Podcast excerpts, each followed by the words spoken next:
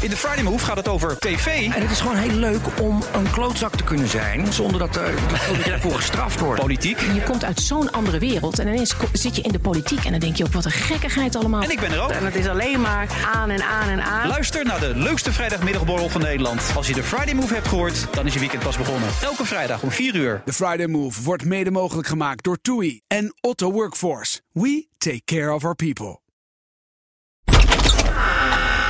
Wil de deur dicht doen of vinden het leuk als iemand langsloopt wat ze dan hooi zeggen? Heb je trouwens die kamerbel gehoord? Die gaat hier zo keihard. Stel je voor dat de stemmingen zijn. En je bent midden in de 60. radio-uitzending. Dan heb je een minuut lang... Die muren die schudden heen en weer. Dit is trouwens wel grappig, want als ik met jou praat herken ik jouw stem niet van de radio. Maar als ik dit ding op heb, herken ik jouw stem van de radio. Klopt. En dan gaan we ook een beetje anders door de buik praten. Ja, je moet een beetje dicht bij de plop kappen. Zo kunnen deze een beetje naar voren. Zo. Oké. Oké, Ja. kunnen we beginnen. Dit is Nieuwsroom Den Haag van vrijdag 15 oktober. In de studio in Den Haag. Ik was hier eigenlijk nog nooit geweest. Sophie en Thomas en Koen Brummer, directeur van de Hans van Mierlo Stichting. Dat is het wetenschappelijk instituut van D66. Hè? Helemaal correct. Eh, en schrijver van het boek 55 jaar D66. We gaan er straks heel veel over eh, zeggen. Maar volgens mij wil ik één vraag alvast even stellen. Dat is toch een helemaal mislukt project uiteindelijk, D66. Want het moest eh, een beweging blijven. En, en geen, zeker geen politieke partij.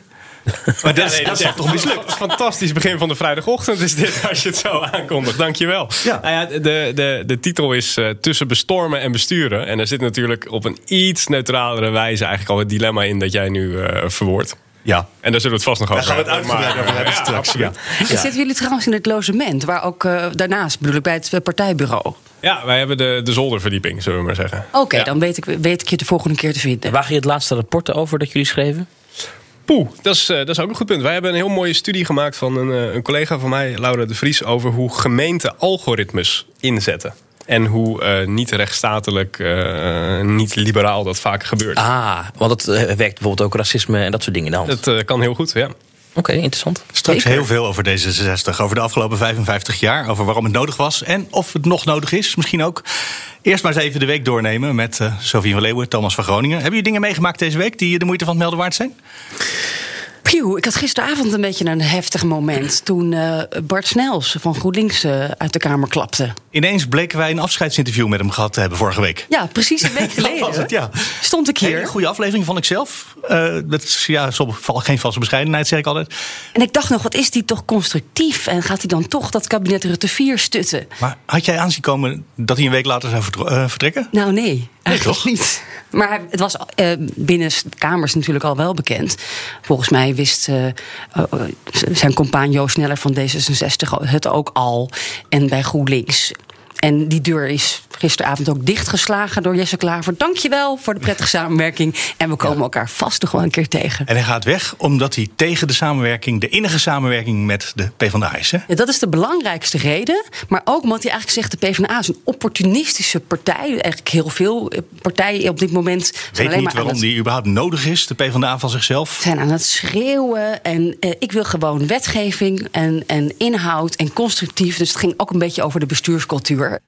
Het is inderdaad eh, af en toe iets te veel theater in de Tweede Kamer. En daar heb ik wel moeite mee. Dus als we het over de politieke cultuur hebben, dan vind ik dat we als Kamer ook echt goed naar onszelf moeten kijken. Hoe wij eh, als Kamer eh, eh, opereren. Hij is daar dus na het afgelopen half jaar helemaal klaar mee. Ja, maar hij is eh, ook over de, met de hele Kamer. Hè? Dus het, het- de cultuur van het elkaar beschadigen. Waarbij ik dan wel moet opmerken dat als je dan de Partij van de Arbeid een opportunistische politieke partij noemt. Dat je dan zegt, ik vind het heel vervelend dat we elkaar hier altijd maar beschadigen. En dat je dan bij eh, vertrek Ja.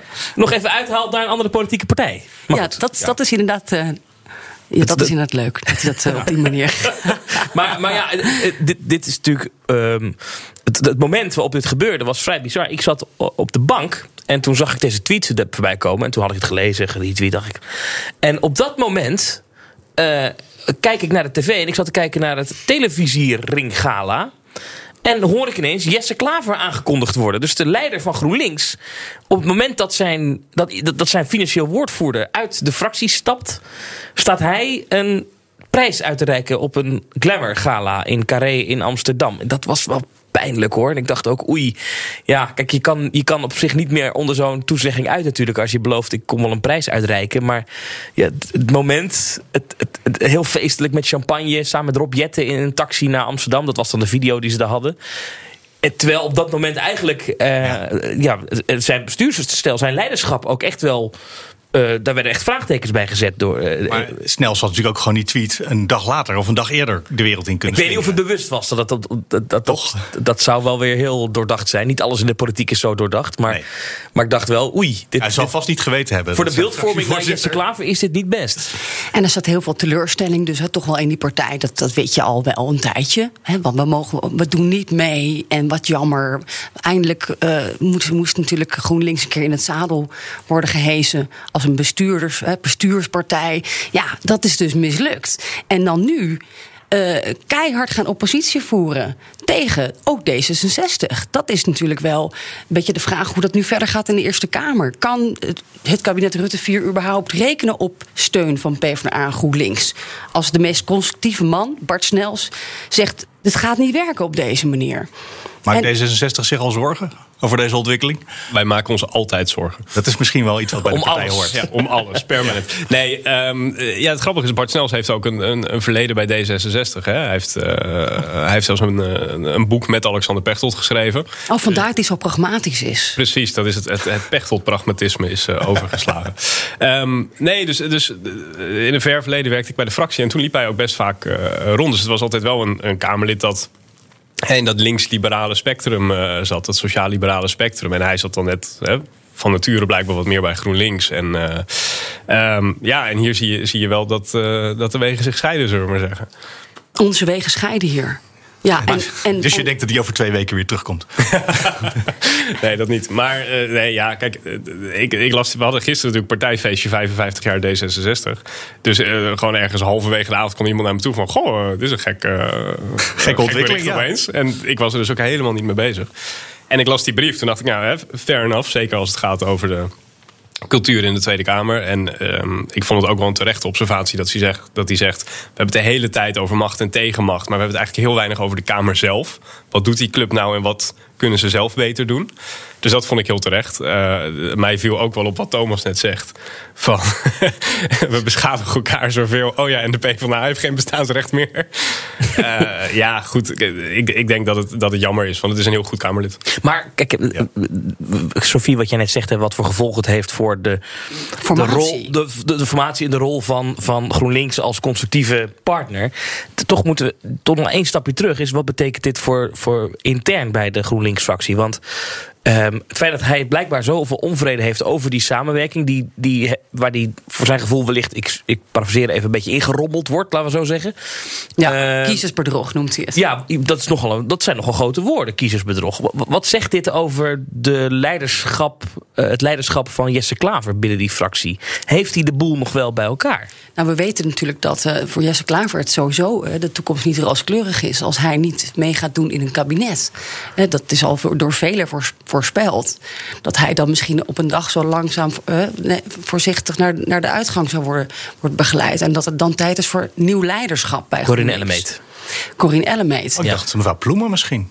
Maar In de als samen, naar de- samen naar de fusie. fractie, Ja, dat zou kunnen, ja. Als het een beetje in dit tempo doorgaat. Want als de echte kritische mensen die dus tegen die echte samenwerking zijn, als die het eh, schip nu verlaten, Ja. dan gaat het waarschijnlijk veel sneller dan iedereen dacht een halfjaartje geleden. Ja, nou ja, ik, ik, jullie weten, ik volg de lokale politiek in mijn stad nog wel eens. En ik sprak toevallig de afgelopen week een paar GroenLinksers. Nog niet, toen wisten natuurlijk nog niet dat, dat, dat dit eh, gebeurd was. Alleen die zeiden wel dat ze best wel grote zorgen hadden over, over eh, J- Jesse Klaver. In die zin dat eh, als, er is best wat bi- binnen de partij mondjesmaat wordt er al wel een beetje gemopperd van moeten we daar niet afscheid van nemen. Maar ja, zij zitten wel met die gemeenteraadsverkiezingen. Als je nu van leider gaat wisselen, dan heb je een groot probleem. En die, die lokale afdelingen, in sommige gevallen trouwens zijn de lokale afdelingen van GroenLinks al eh innig samen met de Partij van de Arbeid. Vormen ze ook één lijst in sommige steden of gemeenten. Maar niet overal is dat zo. En die, ik merkte, proefde daar toch wel echt dat ze zeiden: ja, alsjeblieft, stuur die Klaver nou niet weg voor die gemeenteraadsverkiezingen. Want dat kunnen we echt niet aan. dat gaan ze ook echt niet doen. Dat, zo snel gaat dat natuurlijk niet, dat nieuw leiderschap. Nee. Überhaupt niet, hè, trouwens. Nee, nee, nee. Maar ja, goed, als, als dit soort als Kamerleden opstappen. eh, Maar ja, het is één nu, hè? Het is één, ja. Ja. Nog iets wat van de week eh, ons eh, wakker deed schrikken, was ineens een tolk in Afghanistan.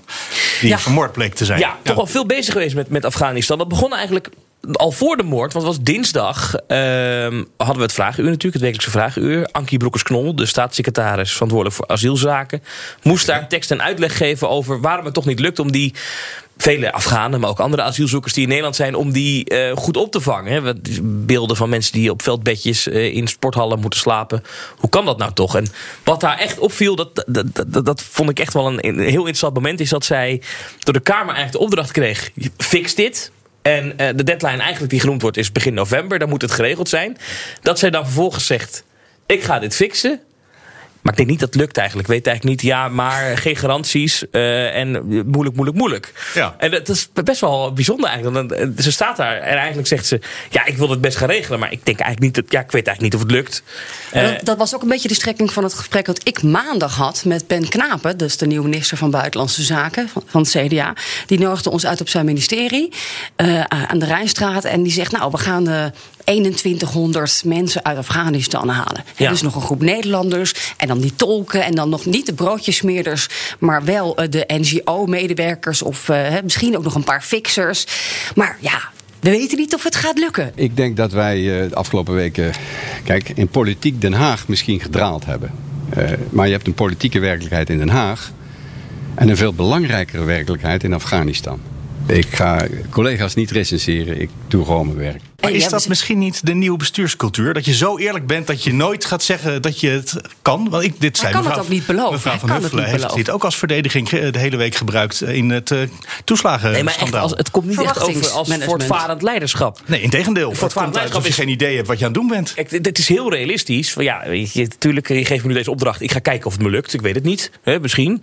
Eh, maar ik kan, ja, het, het, ergens merkte ik ook wel bij Kamerleden dat frustratie. Van, ja, we, we willen niet het antwoord misschien horen. We willen horen, ik ga het regelen. Dus we hebben goede afspraken gemaakt. En daarvan het grootste deel weet ik bijna zeker dat dat in orde komt. Maar om 100% op, de- op 1 november te kunnen zeggen van zo is het, dan vertel, vertel ik u op 1 november. Maar de verwachtingen zijn, het ziet er naar uit dat we dan 3000 plekken. Maar ik heb ook gezegd in de Kamer, we hebben er ook nog meer nodig. Dus daarom doe ik ook een oproep aan gemeentes van help ons alsjeblieft, ook nu eventjes.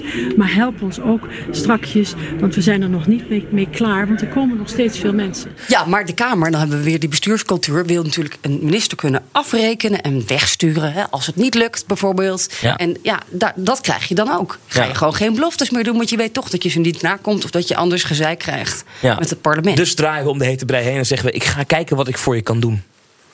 we doen ons best. Ik vind het zelf heel teleurstellend. Als je niet. eh, als en, bijvoorbeeld, en, eh, dat eh, toeslagenverhaal. Daar werd gevraagd, maar wat vindt u nou eigenlijk een redelijke termijn? Niet eens wat gaat u halen, maar wat Ja. zou u nou zelf vinden? Op welk moment moet iedereen gewoon eigenlijk wel door de procedure heen zijn? Wanneer vindt zij het acceptabel dat dit uiteindelijk is opgelost voor de ouders? Welke is dat over een half jaar, over een jaar, over twee jaar, nog later? En daar wil ik graag een antwoord op, voorzitter. De staatssecretaris.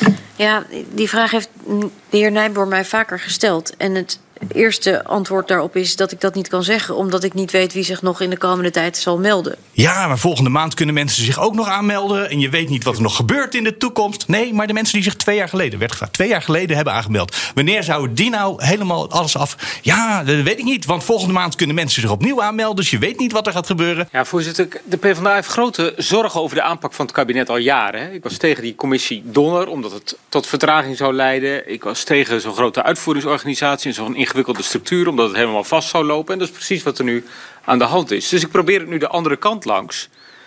Eh, en dan moet de staatssecretaris niet zeggen, misschien meldt volgende week nog iemand. Nou, dan mag, mag daar jaren bij ook iedereen die zich nu gemeld heeft. Of de mensen die zich twee jaar geleden gemeld hebben. Misschien is dat nog wel beter. Hoe lang kunnen die nog wachten voordat het uiteindelijk aan hen recht is gedaan? Een einddatum is ongelooflijk moeilijk te geven. Nogmaals, nog voor de ouders die zich precies nu al gemeld hebben. Omdat sommige ouders echt belang hechten aan een proces waarin er meer tijd voor ze wordt genomen. Er zijn ouders die integrale, wiens in- integrale beoordeling al een tijdje geleden is begonnen. Maar die nog steeds samen met hun zaakbehandelaar aan het werk zijn. Er zijn ouders die daar al snel doorheen zijn. We kunnen aangeven wanneer we met de, op dit moment wanneer we met de ouders starten. En we kunnen aangeven wanneer de, de eerste toets is gedaan. We willen eigenlijk niet, niet meer deadlines aan onszelf leggen. Want als je dat doet, dan word je erop afgerekend en dan kan je weggestuurd worden. Dat heeft natuurlijk. Uh, Goede Jongen is Nou ja, weggestuurd. maar de Jonge heeft dat in coronatijd natuurlijk vaak gezien. Die heeft iets te vaak beloftes gedaan. Dan kunnen we deze versoepeling doen. Of dan kunnen we dit doen. En dan bleek dat niet uit te Die komen. is ook mee opgehouden. Die is ook, die is ook heel voorzichtig Ik vind het redelijk als het op 1 november klaar is met de opvang voor die eh, mensen uit Afghanistan. Ik weet niet of het lukt, maar ik vind dat een redelijke termijn. En ik ga mijn uiterste best doen om dat te halen. Ja. Maar, maar er, wordt, er wordt nu meteen al bij gezegd... ja, maar ik weet eigenlijk niet... Weet je, en gelijk, op, gelijk worden de verwachtingen Ja. extreem eh, getemperd. Iets anders eh, over eh, het Afghanistan-verhaal van deze week... natuurlijk van de tolk, je noemde het net al. Daar was de communicatie wel weer heel eerlijk. Dat viel mij op. Ik liep hier s ochtends het gebouw binnen. En eh, toen wist eigenlijk nog niemand dat die, van, de, van de Kamerleden die bezig zijn met Afghanistan... dat dit verhaal speelde van die vermoorde tolk. Want ik stond buiten een sigaretje te roken met wat Kamerleden die eh, stonden te wachten op het Afghanistan-debat. Nou, dat ging echt nog over volgende week reces. Wat ga je doen? Ja, commissie Buitenlandse Zaken en de Baltische Staten. Het was eigenlijk heel gezellig. En eigenlijk was er een beetje een soort van feestelijke stemming. Want eh, we hebben het eigenlijk voor elkaar gekregen dat we die 2100 mensen, en dat het kabinet dat gaat doen. eh, dat, dat we die deze kant op gaan halen. En toen liep ik, ik ga niet vergeten, ik liep de, de, lift uit hier op de eerste etage. Toen kreeg ik een pushmelding van de NOS, want die hadden dit verhaal. Dat er een, een tolk die voor Nederland had gewerkt was vermoord die nacht in, eh, Afghanistan. Vijf minuten later, en dat vond ik echt opmerkelijk, want dat had ik niet verwacht, ging de deur open bij de patatbalie en kwam demissionair minister van Buitenlandse Zaken Ben Knapen naar buiten. Ik had mijn microfoon nog niet eens uit mijn tas gehaald, dus ik moest heel snel eh, eh, op stel sprong er naartoe rennen. Maar gelukkig stond een collega van de NOS al klaar met een draaiende camera. We hebben het ook gehoord, maar ik kan het nog niet bevestigen. Eh, als het zo is, is het natuurlijk een drama. Maar ik kan er eigenlijk niets aan toevoegen, want wij kennen eigenlijk op dit moment ook alleen het bericht zoals we dat allemaal kennen.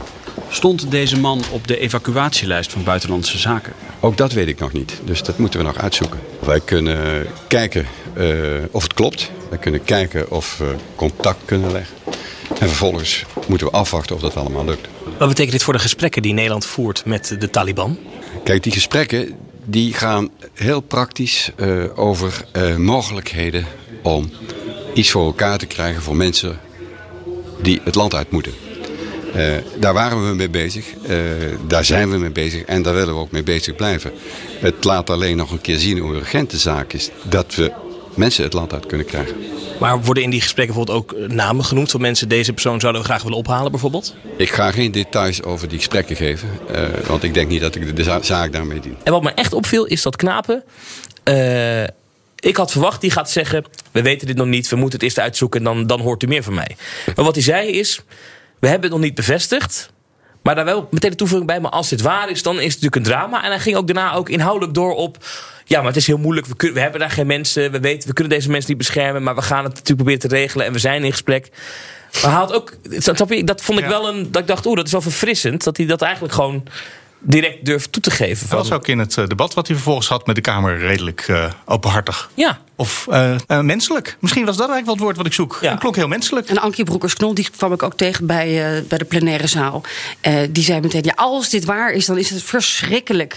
Maar ehm, ja, we hadden Maar we wel hebben wel gekozen om het zo te laten gebeuren. Toch? Dat dacht jij? Dat, ja, dat vroeg ik haar. Ha- Denkt u dan niet, hadden we dat niet eerder, hadden ze toch niet eerder weg moeten halen daar? Hadden we het kunnen zien Nu blijken ze toch mensen dood te maken. Ja. Eh, en dat was natuurlijk wel een beetje de sfeer hier ehm, bij veel politieke partijen. Wat is er met Dit haar gebeurd was gewoon wachten op de eerste, eh, eerste dode tolk en misschien volgen er meer. Ja, maar wat is er met haar gebeurd? Want eh, aan het eind van de week, gisteren do- donderdag, was ze ineens eh, in het eh, Kamerdebat. Het is heel belangrijk dat we vluchtelingen opvangen. Dat hoort echt bij Nederland. Ik vind het belangrijk dat we dat doen. We hebben ook internationale verdragen. Daar willen we ons graag aan houden. Dat klonk helemaal niet zoals ze in het afgelopen jaar geklonken had. Met eh, kunnen we die mensen niet in Afghanistan opvangen? Want in de regio is beter dan hier. Nou ja, we hebben natuurlijk eh, een, een, een, een demissionair kabinet en een Kamer waarin ook het CDA is eh, gedraaid met Dirk Boswijk. Ja. En met een toch meer humane. maar zij moest het VVD hier meerderheden. gezicht blijven, toch? En ja, nou ja, maar ik denk weet, daar. En ook met de nieuwe minister Ben Knapen van het CDA. Hè, die toch misschien weer ook, weer wat, wat menselijker en wat anders wil doen. Die trouwens veel complimenten krijgt voor eh, zijn optreden tot nu toe. Aha. Dus eh, ja, dat is, de, dat is de, nieuwe, de nieuwe boodschap. We, gaan, we doen alles wat we kunnen en we vinden het verschrikkelijk dat het zo gegaan is. En ehm, ja, dat, dat we die motie eigenlijk niet wilden uitvoeren, daar hebben we het liever niet over. Maar, um, maar nog één ding hierover. Dit, dit, dit, dit gaat nog heel lang spelen, deze kwestie. Want als je mensen bij Buitenlandse Zaken ook achter het scherm spreekt... die zeggen, en bij Defensie trouwens ook... en ook de Kamerleden, die zeggen eigenlijk allemaal... ja, hoe moeten we dit in godsnaam gaan doen... die 2100 mensen deze kant op krijgen? Want je hebt dus een partij de Taliban, dat is natuurlijk een hele ingewikkelde club hè, met allemaal facties en, en, en verschillende. Een netwerkorganisatie. Het is- Ja, het is best wel een ingewikkelde club. Maar daar moet je dus mee gaan praten en dan moet je zeggen: wij willen graag Pietje, die willen wij graag veilig naar Nederland halen. Ja, want wij denken dat hij bij de Taliban niet veilig is. Wilt u hem alstublieft niet doodmaken, maar aan ons geven? Precies. Maar ja, Pietje moet wel een keer naar het vliegveld komen. Dus dan moeten we zeggen: ja, Pietje zit daar, kunt u hem veilig naar het vliegveld brengen? Ja. Ja, dat, is niet, dat is echt niet te doen. Ik weet niet of jullie eh, bij het wetenschappelijk bureau van D66 hier opvattingen over hebben over hoe je dit moet aanpakken. Nee, we doen niet echt uitgebreid studie naar eh, de, Nee. de netwerksamenleving van de Taliban. Maar het, het is natuurlijk wel een, een, een, hele, een heel pijnlijk, nou ja, niet eens een einde, maar, maar een heel pijnlijke tussenstand van iets wat al jaren Ja. loopt. En toen eh, de Taliban Kabul overnam, toen zeiden wij op werk ook tegen elkaar van ja, nu is het wachten tot hè, er een keer zoiets gaat gebeuren. Je weet dat dat op een moment, eh, weet je dat er zo'n NOS pushbericht gaat komen. Dus die, die kwam en toen dacht ik ook ja, te- natuurlijk, weet je, Ja. hoe verschrikkelijk ook. Ja, maar dit, dit- hier zijn we dus, dus ook een nieuw kabinet.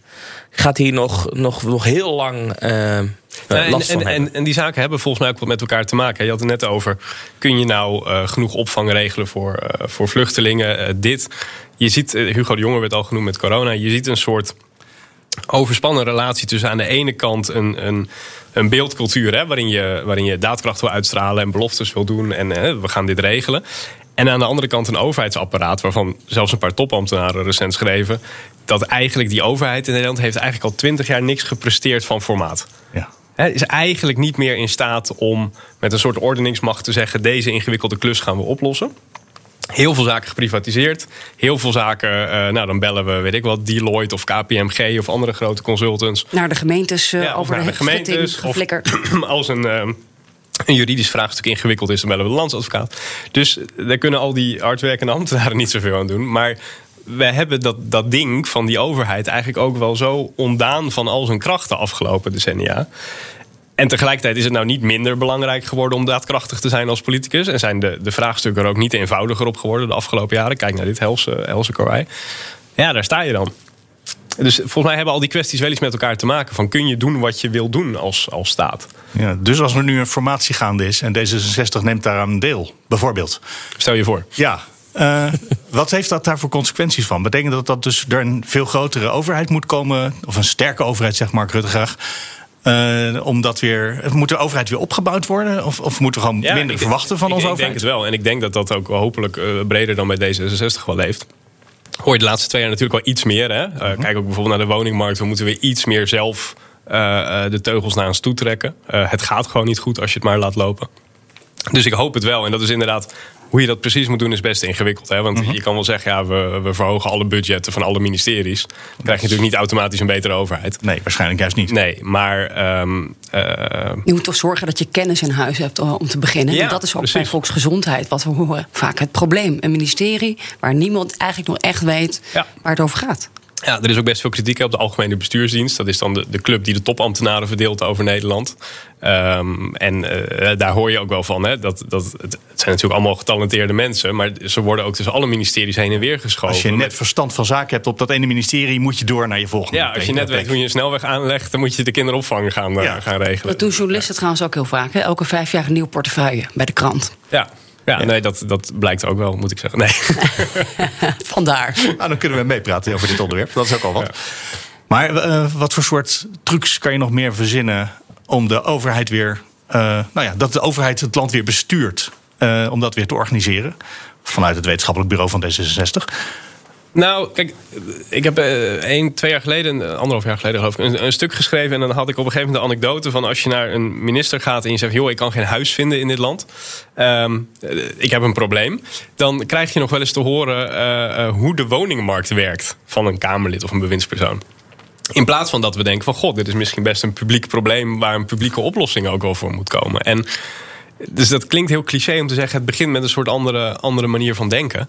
Maar ik, ik geloof dat wel echt. We hebben, dat is een, eh, een, een, een Britse politicoloog, die is een aantal jaar geleden overleden. overleden. Peter Mayer, die heeft een, een essay geschreven en dat heet Ruling the Void. Eh, het regeren van de leegte. En dat is eigenlijk wat je een beetje ziet gebeuren. Hè? Van waar gaan we nou nog echt over?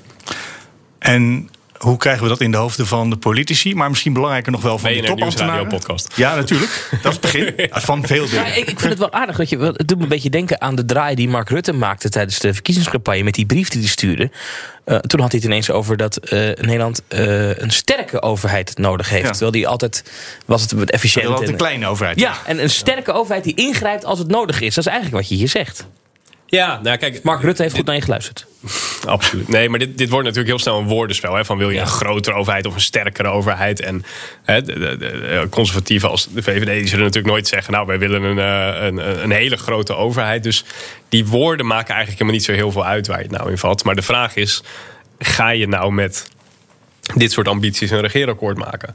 Ja. Is dat iets wat, en ook, dat geldt overigens ook van, is dat een soort instelling die ook in, in, in al die torens hier om ons heen eh, eh, voeten aan de grond gaat krijgen? Ja. Wil je, wil en- je de en- problemen oplossen of wil je de mogelijkheden zo scheppen dat mensen buiten hun eigen problemen kunnen oplossen? Dat is misschien wel het soort het, het verschil van denken van denk maar, eh, VVD tegen D66 dan als je het zo beschrijft. Ja, en eh, de afgelopen 15, 20 jaar was misschien wel de filosofie wat je als laatste beschrijft. Hè? Van nou, als we nou het een beetje proberen te ordenen, dan doen die mensen het zelf wel. Ja. ja, ik denk toch dat je op een heel aantal thema's moet zeggen dat dat eigenlijk niet gebeurt. En nu hoor ik iedereen zeggen de hele tijd menselijke maat. Alles, we moeten weer terug naar de menselijke maat. En dan denk ik, maar dat kost misschien wel miljarden. Dat betekent dat je allemaal loketten moet openen. We hebben een enorme tekort op de arbeidsmarkt.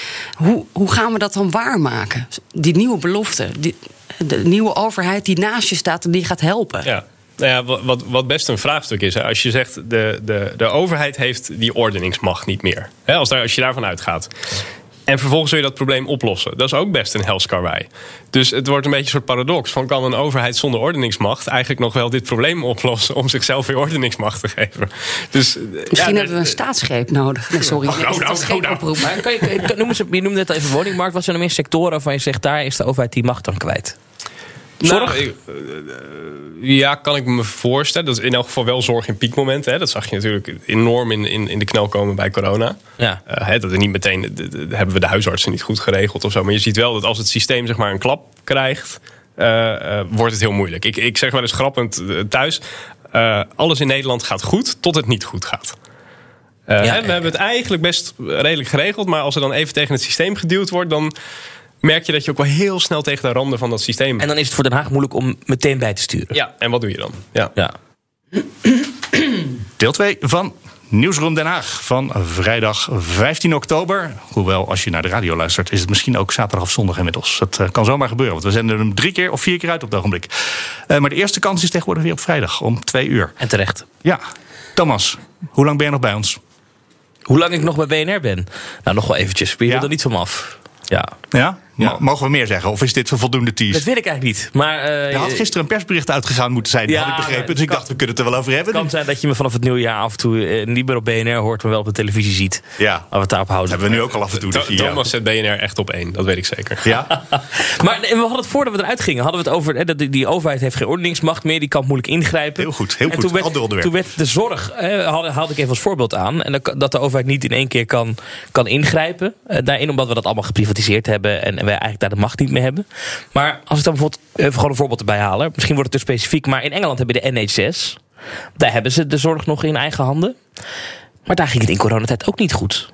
Nee, daar heb je helemaal gelijk in. En kijk, mensen die kritiek hebben op het huidige zorgstelsel. eh, de eerlijkheid is natuurlijk ook dat in het, eh, in het, in het, in het ziekenfonds, zeg maar. hè, je had wachtlijsten. de- de- volgens mij zijn er echt oudejaarsconferences volgemaakt met grappen over dat je na juni geen nieuwe knie meer kon krijgen of zo. Omdat dan het, het budget of de, of de, de, capaciteit was op. Ehm, eh, dus eens, dat is zo. Het, het zijn monsterlijke bureau- bureaucratische klussen om op te lossen. Dat is Ja. absoluut waar. Dus we gaan daar niet naar terug. Niet terug naar de bureaucratie. Nou, kijk, ik kan me voorstellen dat je. ehm, de- er zijn een paar dingen waar, waarin denk ik de sociale problemen gewoon heel erg schrijnend zijn geworden. Eh, woningmarkt was er al zo één. hè. Dat heeft echt hele grote gevolgen voor de levens, ook vooral van jonge mensen. Eh, maar wat er ook zoiets is, is eh, eh, eh, specialistische jeugdzorg. Daar hebben we eh, het allemaal in de participatie, of hoe heet dat, decentralisatiegolf eh, naar gemeenten gebracht. Terwijl je gewoon moet zeggen dat het merendeel van de gemeente is gewoon niet in staat om dat soort dingen te regelen. Dus terugdraaien? Ja, ik denk op dat gebied wel. Ja, ja. Ehm, dus zo, zo zijn er best een aantal dingen. Als je kijkt naar wat doen we nu met onderwijs en waarom lukt het nou niet om kansen min of meer gelijk te verdelen over kinderen met verschillende eh, achtergronden? Daar hebben we het ook al twintig jaar over. Eh, we zijn er eigenlijk geen stap verder in gekomen. Maar is dat niet gewoon een kwestie van niet willen? Dat er gewoon mensen zijn die het wel prettig vinden dat ze nu die eh, voorsprongspositie hebben. En die zitten in de Kamer. Dus die gaan natuurlijk niet hun op- positie opgeven. Ja, je bedoelt, moet er een, eh, een beschaafde, een beschaafde opstand komen? Nee, dat, Ja. dat denk ik wel. Ik denk ook dat het. ehm, misschien als het, later zullen we het daar misschien nog over hebben. Hè, maar challenger parties, zullen we maar zeggen. Partijen die, die het systeem uitdagen en die nieuwe thema's agenderen. En die. ehm, ja, hoe moet je dat zeggen? Kijk, het waren natuurlijk ook niet de twee Kamerleden die de toeslagenaffaire op, op de agenda hebben gezet. Dat waren natuurlijk de wat rebelsere Kamerleden. Hè? Renske Leijten, Pieter Omzicht, die gewoon zijn gaan doorbijten. En vervolgens echt wat aan het rollen hebben gebracht. Dus eh, eh, als je eh, zegt, je moet af en toe elites bevechten... dan ben ik dat volledig met je eens. Ja. Ja, nou, dit is een heel mooi bruggetje naar het boek wat jullie gemaakt hebben. Soepel, hè? Ja, dat is heel knap gedaan. Ehm, dat boek heet inderdaad 55 jaar D66 in de Nederlandse politiek. 1966, dat hadden we kunnen gokken tot 2021. Dus daar zitten we nu. En de partij begon. Nou ja, ik plaagde hier in het begin al heel eventjes mee. Met eigenlijk de gedachte dat het geen partij moest worden. Trouwens, partij eh, was, als ik het goed begrepen heb, van eh, Hans van Mierlo. Die zou sowieso verdwijnen. Eh, dus waar, waar, waarom zou je nog een partij oprichten? Een opblaaspartij noem je het, geloof ik. Ja, Een ontploffingstheorie had hij. Ja, Ja, precies. Maar je ziet misschien toch ook dat alle partijen nu uit elkaar aan het vallen zijn. En dat de CDA tegenwoordig een stukje boer-burgerbeweging is geworden. En een stukje bij Van Haga terecht kan. Dus misschien had Mierlo wel een beetje gelijk. Ik, ik denk nog steeds stiekem dat Van Mierlo best vaak gelijk had. eh, in En hiermee? Ja, nee, ehm, eh, dat denk ik wel. Ik denk in elk geval, je ziet er eigenlijk een soort individualisering van de politiek. Hè? Dat, eh, dat, dat je kiezers steeds scherper gaan kijken naar in welke niche ben ik nou volledig bediend. Eh, waar dat, waar dat nou, zeg 50 jaar geleden veel grotere brokken waren. Maar ironisch genoeg is D66 daar natuurlijk zelf ook een voorbeeld van. Ja. Want dat waren ook kiezers die destijds bij de PvdA of bij de VVD hadden kunnen eh, blijven waar ze grotendeels vandaan kwamen destijds. Eh, dus dus eh, je kan zelf zeggen dat we die ontwikkeling wel zijn begonnen. Ehm, en wat ook grappig is, want in 67 toen kwam D66 met zeven zetels in de Tweede Kamer. Nou, dat was toen echt een politieke aardverschuiving. Nu, nu verlies je dat soort zetels in één peiling, bij wijze van spreken. Maar toen stelde Oh, we ja. er echt wat voor. Dat is wat de boer-burgerbeweging op het ogenblik in de Ja, peiling ongeveer ja. heeft. Bij Ehm, de tweede verkiezingen die ze dan misschien meemaken. Ja, maar tegelijkertijd, daar hebben we het niet over, kwam de Boerenpartij met zeven zetels in de Kamer bij die verkiezingen. En ehm, eh, nou, dat was eigenlijk een soort. D66 is zoals omschreven als boerenpartij voor intellectuelen. Ehm, eh, maar die boerenpartij van Boer Koeken was ook een soort. Wij voelen ons niet gehoord door hè, nou, meer de christendemocratische partijen Ja. die op dat moment in de Kamer zaten. Maar waarom is D66 nou uiteindelijk opgericht? Ik bedoel, op het ogenblik hoor je heel veel mensen nog altijd klagen... maar we weten niet precies waar die partij voor staat. En we hadden het net over de PvdA, heeft niet per se een doel. Dat is iets wat D66 ook vaak verweten wordt. Maar dat was toch ook de bedoeling dat ze nergens voor wilden staan... maar gewoon heel pragmatisch eh, dingen wilden aanpakken? Ja, het, het idee is, de partij werd opgericht uit, eh, door een groep Nederlanders... bezorgd over de ernstige devaluatie van onze democratie. Nou, Toen ook al. dat- toen ook al, dat zou je vandaag weer kunnen zeggen. En, eh, maar er waren eigenlijk twee groepen die die partij oprichten. De ene waren, als je het zou kunnen zeggen, de, de, de radicale democraten. Die vonden ook dat die partijen eigenlijk niet toe-deed. Die konden prima opgaan in een progressieve volkspartij. En kiezers zouden gewoon moeten kunnen kiezen tussen de progressieve en de conservatieve. En dan was er helderheid. Hè? Dan wist je wat voor regering je kreeg. Het liefst kozen ze ook nog een premier, eh, een burgemeester. We zouden een districtenstelsel weer moeten krijgen in Nederland. Net als voor eh, eh, het stelsel van evenredige vertegenwoordiging. Ehm, dat was één groep. Maar je had eigenlijk ook vanaf het begin een groep mensen die gewoon het gevoel hadden dat die liberale VVD was eigenlijk veel te conservatief en niet liberaal. En die PvdA, wat na de oorlog zo'n doorbraakpartij zouden zijn... die was toch eigenlijk veel te rood en te, te sociaal-democratisch. Dus ze zochten eigenlijk een sociaal-liberale vluchtheuvel... waar naar hun ideeën dat echte, tussen aanhalingstekens, Echte liberalisme. liberalisme zou zitten. En die hebben elkaar altijd een beetje zo... Ja, dat, dat was altijd een beetje duwen en trekken als je naar die afgelopen 55 jaar kijkt. Waarbij je wel kan zeggen dat nou, de laatste decennia is het pleit wel definitief beslecht. En is het natuurlijk veel meer een sociaal-liberale partij met een normaal programma. Het is toch ook tegenwoordig de- het label wat de partij gekozen heeft voor zichzelf. Sociaal-liberaal. Ja, zeker. Dus eh, ja, Maar kennelijk waarom is is, het dat. waarom is die explosie dan mislukt? Want jullie zouden jezelf opheffen. Waarom heb je dat niet gedaan? Ja. Ehm, nou, waarom is dat mislukt? Kijk, ten- eh, dat zie je natuurlijk heel snel bij, bij elke vernieuwingsbeweging. Op een gegeven moment kom je in het systeem. En het probleem met het systeem van binnenuit veranderen is dat het systeem jou ook nog wel eens zou kunnen veranderen. Ehm van Mierlo wilde het ook liever dan de rest van die fractie in die tijd. Dus Van Mierlo wilde heel graag die progressieve volkspartij. En is daar samen met een partijvoorzitter heel erg in opgetrokken. Maar een deel van de zittende fractie toen, begin jaren 70 heb je het dan nu over. Die hadden eigenlijk zoiets van, nou dat, dat hoeft van ons helemaal niet. Wij vinden dat wel prettig, die, uh, die, die, die partij zoals we nu zijn. Dus, en het salaris wat we elke maand ontvangen. Ongetwijfeld. Um, en dus aan de ene kant natuurlijk het systeem werkte niet mee. Want die andere partijen hadden natuurlijk helemaal geen zin om te ontploffen. Um, maar zelfs binnen D66 was dat best een bediscussieerd item. Het was ook niet dat iedereen zoiets had van... jee, dat gaan we, gaan we morgen doen. Jan Terlouw bijvoorbeeld, uh, partijleider na Van Mierlo meteen... die was daar helemaal niet van. Die zei, wij zijn een politieke partij. Wend er maar aan. Uh, nou, letterlijk, wend er maar aan. Hè. Van de, we vinden dat een moeilijke boodschap... want wij flirten altijd zo met het zijn van een beweging. Maar uh, dit is hoe we het moeten doen. Hoort erbij. Als je een partij wil zijn, dan moet je een partij zijn, anders kan het niet. Ja, eigenlijk, eigenlijk wel. Ja. Maar als dan dus een, een, een Jules Paradijs nu anno 2021 uh, op, uh, in zijn columns en, en op de radio en tv zegt... D66 is een politieke partij zonder bestaansrecht... Dan kan ja, een fusie met de Partij van de Arbeid nog wel lukken. Kijk, kijk, los van hoe je denkt over het politiek programma van D66... of het gedachtegoed en of je Sigrid Kaag wel of niet aardig vindt... Mm -hmm. misschien zelfs een beetje eng uh, in zijn geval... Um, dan nog kun je denk ik bij 24 zetels moeilijk zeggen... dat een partij geen bestaansrecht heeft, toch? Dat is waar. Maar kijk, het punt is, zijn punt is natuurlijk omdat het zo in het midden zit. En, en, en, en dus ook wat, wat trouwens nu overigens ook over de Partij van de Arbeid gezegd wordt. En over het CDA gezegd wordt. Dat het profiel zo onduidelijk is. Ja, maar dat is. Nou, twee dingen die ik daar denk ik over wil zeggen. Het, het ene is dat je zegt die zo in het midden zit.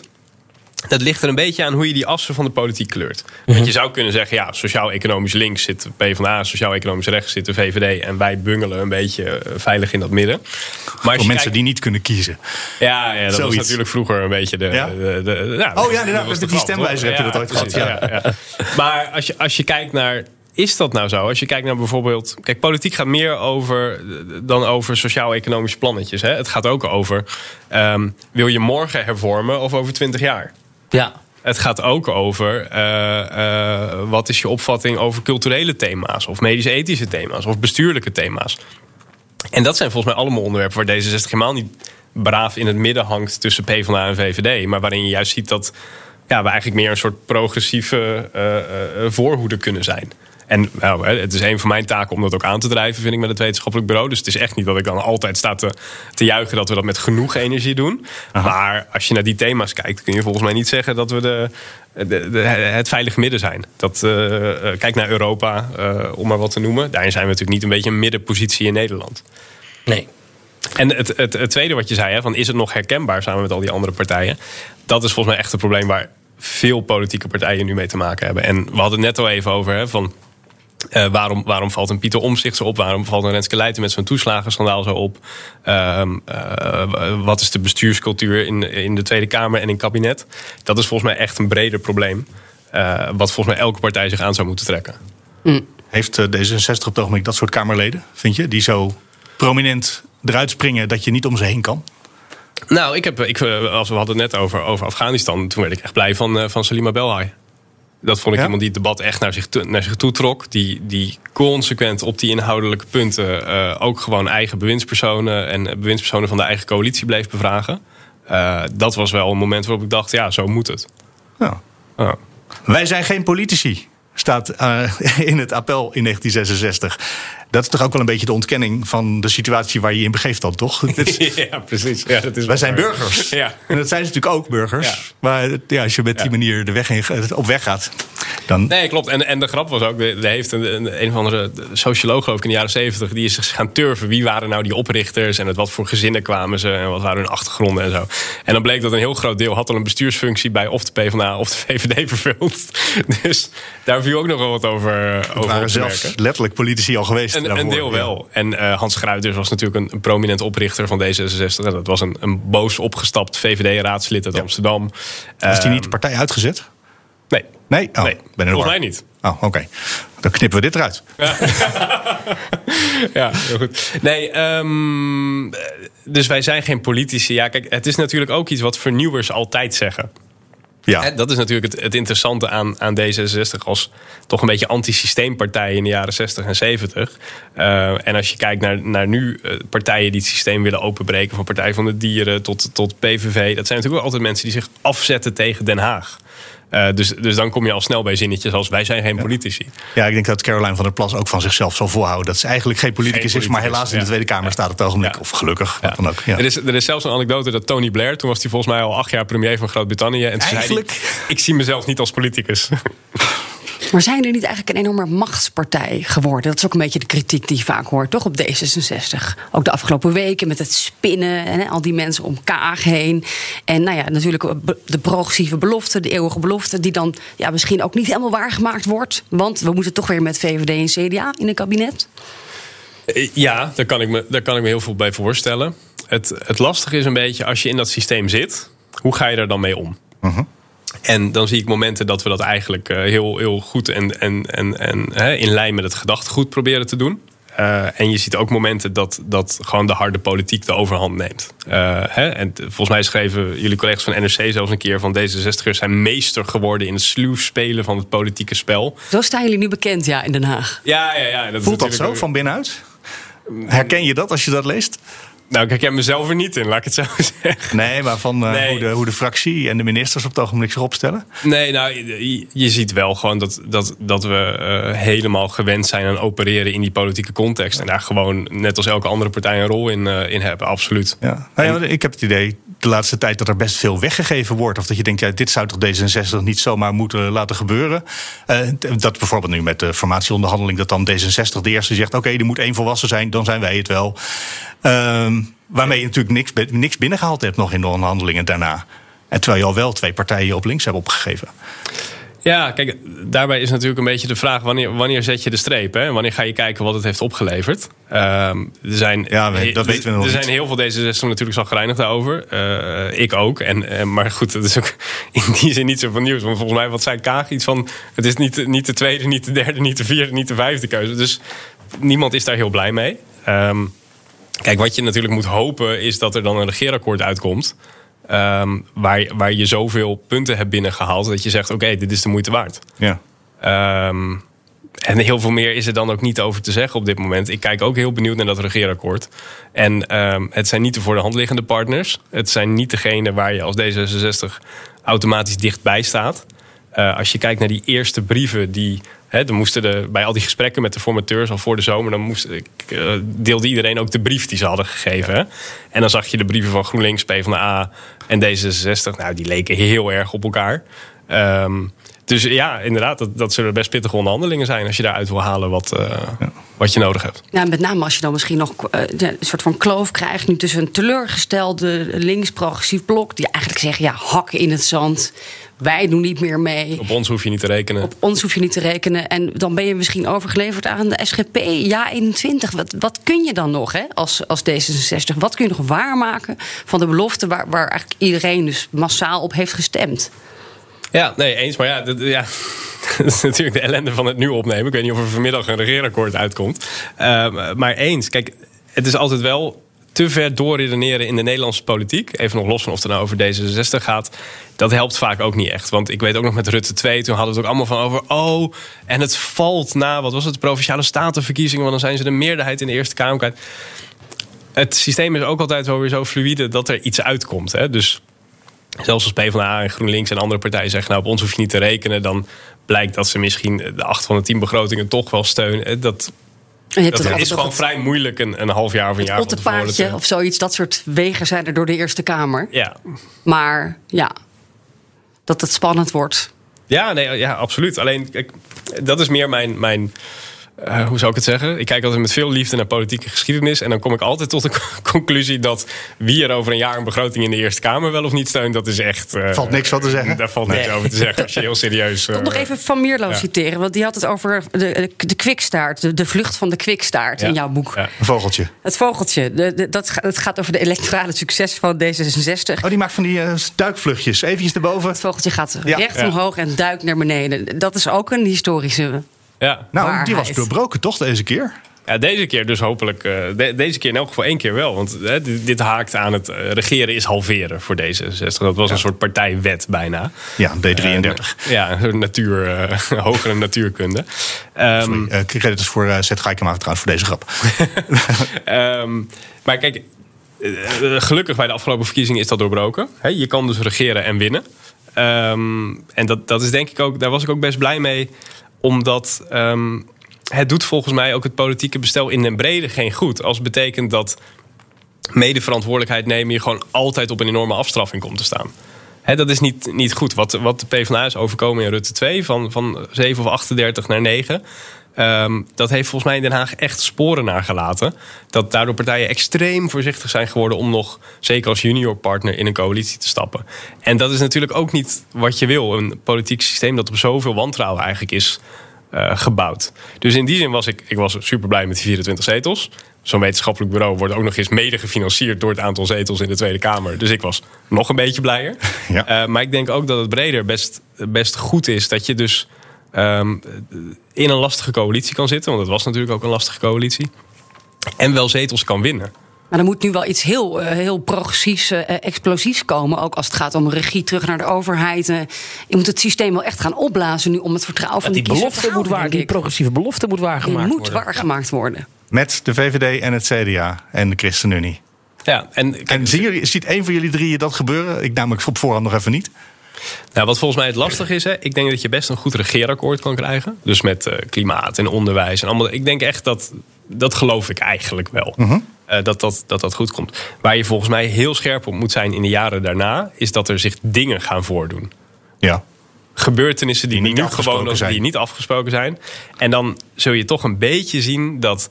Nou, ChristenUnie is dan nog niet eens zo conservatief op heel veel thema's natuurlijk. Maar CDA en VVD die zullen ietsje sneller naar achteren leunen. Waar een partij als D66 sneller naar voren gaat leunen. Van hè, liever morgen hervormen. Ja. En daar ga je waarschijnlijk strijd krijgen, vermoed ik. Op welke dossiers? Ja, dat- ik zeg net, dat zijn dingen waarvan je nu nog niet weet dat ze zich. Ja, Zo'n evacuatie in Afghanistan omdat de Amerikanen ineens zeggen... joh, we stoppen ermee. Ja, en, en, en in 2017 had je ook geen agendavondens verwacht. Migratie, klimaat. Nou, migra- ja, migratie. Er kan een nieuwe vluchtelingen. Verzin het maar. Hè. Je weet nooit waar het vandaan zal komen. Is het leuk bij D66? Ik moest even aan Gerard Cox net- denken net. Die altijd zei... Feyenoord, ja, daar ben ik een fan van. Maar daar ben je niet voor je plezier, hè? Eh, is, hoe is dat met D66? Nou, eh, dat is heel grappig. Maar ik- volgens mij zijn jullie ook wel eens op partijcongressen geweest. Eén En- keer. Ja. oké. Binnenkort heb je in november. Is, Ja, is er der- weer 13 één. november. En we hebben nu volgens mij al 2000 kaarten verkocht of zo. Dat is nu al het drukste congres ooit, geloof ik. Omdat Iedereen wil natuurlijk weer. Na al die Iedereen jaren wil weer. die ja. komt, ja. Ehm, eh, nee, maar het, het is serieus best wel leuk. Want ze zeggen altijd partijcongressen van de VVD en D66. Toch de min of meer liberale partijen. Mhm. Die zijn altijd heel leuk. Bij jullie heet het nog wel een congres. Het heet niet eh, bier drinken of bitterballen met eh, Mark Rutte. Ik weet niet hoe het Ja, Festival. dat Ja, is de laatste het, keer eh, heette ja. het ook weer geen festival, maar weer anders. Ja, dat is de Klaas Dijkhoffisering van de VVD. Was Ja. dat, hè? Het moest vooral leuk eh, zijn. Ja. Ja. Maar bij jullie heet het toch wel Het heet gewoon gewoon een congres. Nee, en, en leden van D66 die zijn ook echt, eh, eh, hoe zou ik dat zeggen, Eh, eh, maniacaal op het gebied van besluitvorming. Mhm. Dus zo'n congres bestaat ook voor een heel groot deel uit leuke, interessante sessies. Maar ook eindeloos veel moties en wijzigingen van het huishoudelijk reglement. Mensen die achter in de zaal opstaan om nog even iets te willen zeggen Absoluut. over... Ja. elke behandeling van een verkiezingsprogramma moet je wel van wordt, wordt altijd vertraagd en loopt uit. Hebben jullie nog genoeg bewindspersonen? Voor potentiële bewindspersonen voor een volgend kabinet? Nieuwe. Ik ga ervan uit van wel, maar al sla je me dood. Maar is het niet iets wat ze, wat ze aan de stichting vragen om een lijstje op te stellen? Of dat doet het partijbestuur eh, lekker zelf? Nee, dat, eh, eh, ik, ik maak altijd zo'n zo'n zo'n zo'n iets wat elitair grapje van... ik ga over de ideeën en niet over het, eh, eh, over het grondpersoneel. Mhm. Eh, dus nee, op geen enkele wijze. Is er een kans dat we jou binnenkort als staatssecretaris of minister... eh, oh nee, en dus teleurgesteld knikt hij nee. Op geen enkele Nee. wijze. Het lijkt je niet interessant? Nee. Het lijkt mij een hondenbaan, maar het is wel interessant. dat is... Nee. Nee? Nee, echt niet. Nee, zeggen altijd van die mensen, hij is niet aan de orde. Nee hoor, ik zeg Het is een hondenbaan. Het is een hondenbaan. Ja, Waarom denk je dat ze allemaal weggaan? Eh, sommigen die blijven. Een aantal worden Sommigen zijn niet weg te En het wordt nog moeilijker, want volgens mij gaan we de lobbywet aanscherpen. En dan mag je helemaal niks meer. En die Jawel, je kan nog gewoon dus het onderwijs in of de zorg. Oh ja. Kan je gewoon gaan doen. Ja. Er zijn heel veel Of banen. burgemeester worden. Burgemeester, dat is ook een optie, ja. Als je daar geschikt voor bent als eh, Kamerlid. Maar goed, we, we Hans moeten, we moeten op een gegeven moment ook stoppen met het samenvoegen van gemeenten. Hè? Want dat, te weinig plek. heb je geen burgemeesterplekken meer. Ja. Maar ik denk dat ze wel lang blij zijn dat er nog mensen minister willen worden in dit klimaat. Maar Veldbrief eh, wordt ook genoemd als financiën opvolger van Hoekstra. Dus dat is er alvast één. Hij gaat er niks over zeggen, denk ik. Als ik hem zo naar... Nee, maar in alle oprechtheid, ik weet het niet. Nee. Ik heb een veldbrief net als jullie in de krant gelezen. En Kaag moet gewoon in de Tweede Kamer. Nou, fantasy voetbal dan maar even. Wat zou je zelf willen? Je gaat er niet over, je hebt geen voorkennis. dus- Nee, je doet echt niet aan mee. Ik, ik geef altijd antwoord op alle vragen die me gesteld worden. Maar dit is deze is te zo- moeilijk. Nee.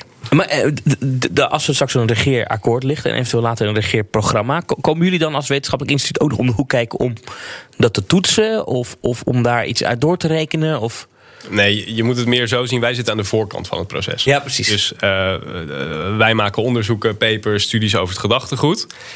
Dan eh, voeren wij het secretariaat van de programmacommissie. Dat is allemaal verschrikkelijke termen hoor, bureaucratisch. Precies, een maar- partijprogramma geschreven Eh, uiteindelijk. Precies, dan wordt het partijprogramma geschreven. Daar zit dan eh, nou, zeker nu heel veel dingen in waar we heel blij van worden als, als wetenschappelijk bureau. En daarna is het ook aan politici. Je evalueert niet achteraf. Ja, zeker wel. Dan kijken we van, goh, wat is er met zo'n partijprogramma gebeurd? Eh, dat heeft de, de voorzitter van onze programmacommissie eh, bij, na de vorige keer ook, ook gedaan. Dat is een beetje informeel hoor, maar wel Mhm. gewoon kijken van wat herken je nou van het regeerakkoord en het programma. Kunnen we optimistisch zijn en, en trots als, eh, als programmacommissie.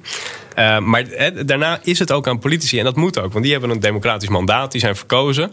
Ehm, ik heb geen enkele rol in dan eh, zeggen van. ehm, nou, deze vijf regels in dat regeerakkoord, die moeten eruit, mensen. Ik bedoel, dat is gewoon niet. Maar kun je iets zeggen over, daar ben ik toch wel nog even nieuwsgierig naar... eh, hoe ligt nou het hele medische ethische in, in jullie partij? Je hebt, is er een klein groepje dat het per se wil? Eh, je- dus je kunt het als wisselgeld gebruiken natuurlijk. Hoe zwaar weegt dat dossier nou echt bij D66? Nou, het is best een gelaagd onderwerp. En dat komt, want het gaat heel veel over voltooid leven, over die wet.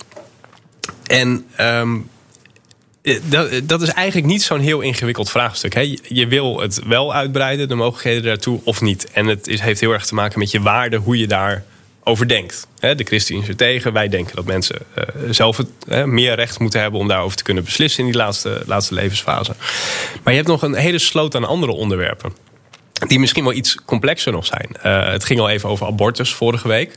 Moet je vrouwen nou eh, verplichten vijf dagen eh, bedenktijd te hebben, et cetera. Maar wat ik ook een heel belangrijk onderwerp vind... is bijvoorbeeld hoeveel ruimte geef je onderzoekers nou... om bijvoorbeeld te werken met embryoselectie.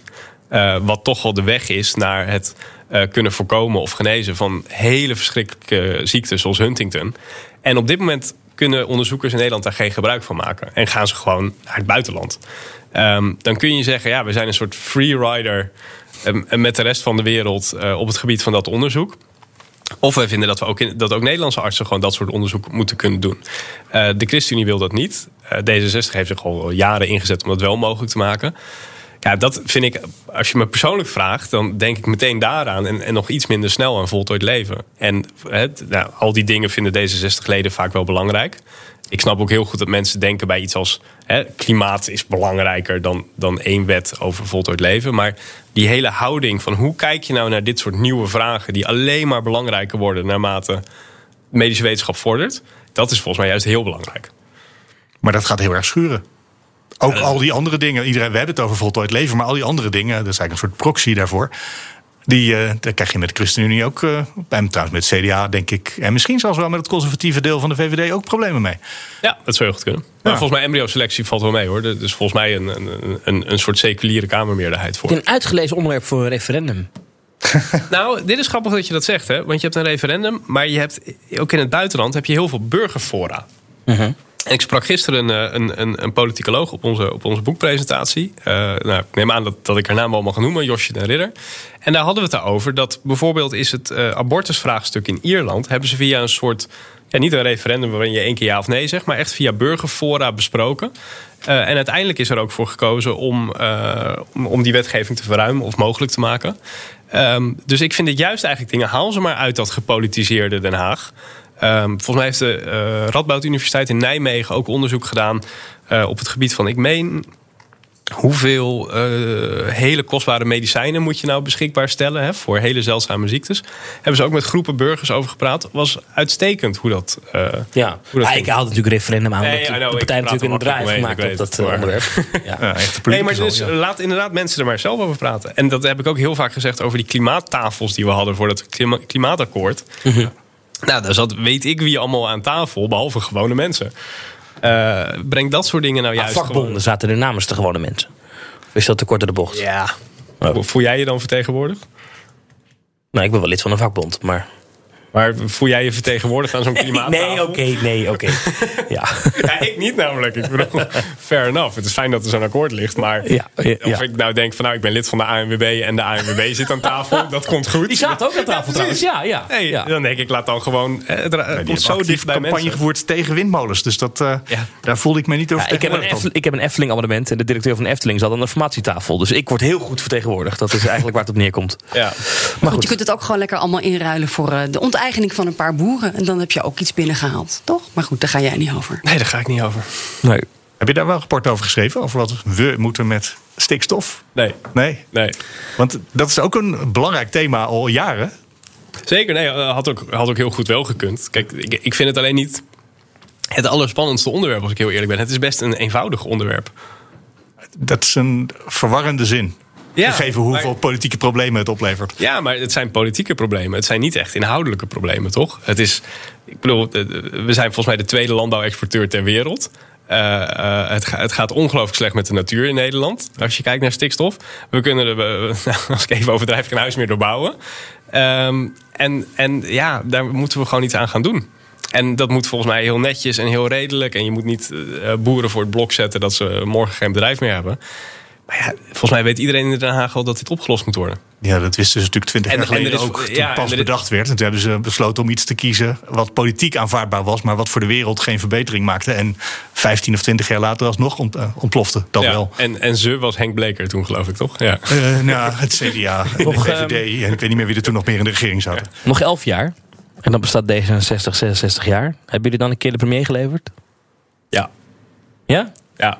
Grootste partij geworden. Ja. Oké. Er zit helemaal geen twijfel bij. Dat vind ik fijn. Goed, hè? Ja. Denk je het ook? Dat zou kunnen. Het is niet, po- politiek is niet te voorspellen, Mark. Ja, dat, Maar- is, eh, dat zei Koen En is dat, wordt, is Ja, dat, kijk, dit, is natuurlijk, dit is natuurlijk ook. Kijk, ik weet het niet, is natuurlijk geen leuk antwoord. Nee. Maar eh, kijk, wat ik wel echt denk. Is je ziet zoveel verschuivingen in het politieke landschap. Ja. Ehm, je hebt een soort inhoudelijke basis volgens mij in, in gedachtegoed van ons sociaal liberalisme. In, eh, in een partij die ook qua leden gewoon nu echt groot is. Die, die zetels heeft in de Kamer. Je weet dat die dominantie van de VVD, die vertoont echt barsten. Ja. Eh, dat, dat zie je volgens mij ook wel.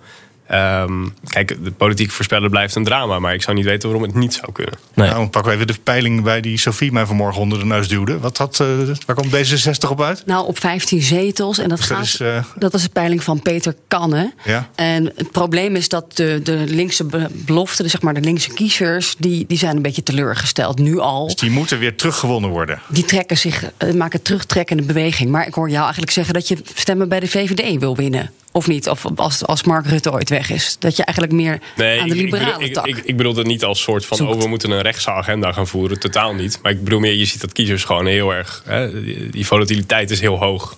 Ehm, en eh, ik weet zeker dat er nu bijvoorbeeld ook heel veel mensen op de VVD stemmen... om dat ze gewoon denken, oh, Mark Rutte is premier en die doet het... eh, hè, eh, En als dat weg is, Ja. dan ben je die bonus kwijt. Ja, volgens mij zitten heel veel partijen in Den Haag te draaien om, om, om dat moment, toch? Ja. ja. Nou, het kan nog tien jaar duren, zegt hij zelf, toch? Geloof jij het? Ik denk, ik denk, wel Ik eens, denk dat de toekomst zich lastig laat voorspellen. dat ik dat net van jullie ja. allebei gehoord Ja, heb. ja, ja. ik denk dat hij misschien nog wel eens eh, de- bij de Europese Commissie of zo... eh, hè, Ursula von der Leyen opvolgen. Daar zal hij nog wel eens voor gevraagd Dan worden. moet hij nog wel een tijdje aanblijven, inderdaad. Ja, nou, nog een paar jaar. Ik zit wel, als ik dan zo het begin van D66 hoor met, met, met, met, met de idealen en het bestormen, dan moet ik toch een beetje denken aan Volt en Laurens Dassen. Dat ik denk, oeh, die hebben dan niet het plan om zichzelf op te heffen, maar is dat nog een serieuze bedreiging? Ja. Dat is hetzelfde profiel. Ja, voor een deel, voor een deel wel, denk ik. Eh, eh, zeker. Ehm, ik, maar eh, soms heb je mensen hè, die zijn dan heel erg gespannen over, over dat nieuwe partijen in de Kamer komen. Ik vind dat eigenlijk best wel gezond. Ehm, Ja. ik, eh, je hebt altijd ook in zo'n partij als D66 hoor je sommige mensen van oeh ja, Volt of oh ja, dit. Of, ik denk altijd, nou, prima, weet je. Laat mensen maar met zetels in de Kamer komen. Ehm, eh, we hebben net al geconstateerd dat, we, dat, dat er weinig mensen fan zijn van de politieke cultuur in de Kamer. ik vond die, die eerste debatten waar je Sylvanus Simons, uh, Laurens Dassen, zelfs Caroline uh, van, van de Plas of Pas? Van de Plas. Van de Plas. Um, Plas is de stikstof aanpakken. Ja, ja, ja precies. Ja, dat was ook grappig. Um, ik vond het eigenlijk heel gezond dat daar hè, zo iemand die al tien jaar premier is, dat hij gewoon dat soort uh, nieuwkomers tegenover zich krijgt. En die gewoon hele andere vragen stellen en kritische vragen. Ik denk dat het echt goed is voor je, uh, voor je politieke cultuur. We komen aan het einde van Nieuwsroom Den Haag voor deze week. Je hoorde Koen Brummer, schrijver onder andere van het boek Tussen bestormen en besturen 55 jaar D66 in de Nederlandse politiek, omdat D66 55 jaar is. Verder Thomas van Groningen, Sophie van Leeuwen. Ik ben Mark Beekhuis. Je kan altijd reageren. Mail daarvoor naar nieuwsroom.bnr.nl of nieuwsroom.fd.nl. Dan zijn we de volgende week weer. Heel graag tot dan. Medegeschreven door Simon Otjes. Ja, Heb je die genoemd? nog zeggen aan het eind. Maar... Ah, dit uh, doen we ertussen. Ja, dat doen we er gewoon tussen. Kan dat? Want dat zou ik wel heel fijn vinden. Simon Otjes van het documentatiecentrum Nederlandse Politieke Partijen. Ja, heel fijn.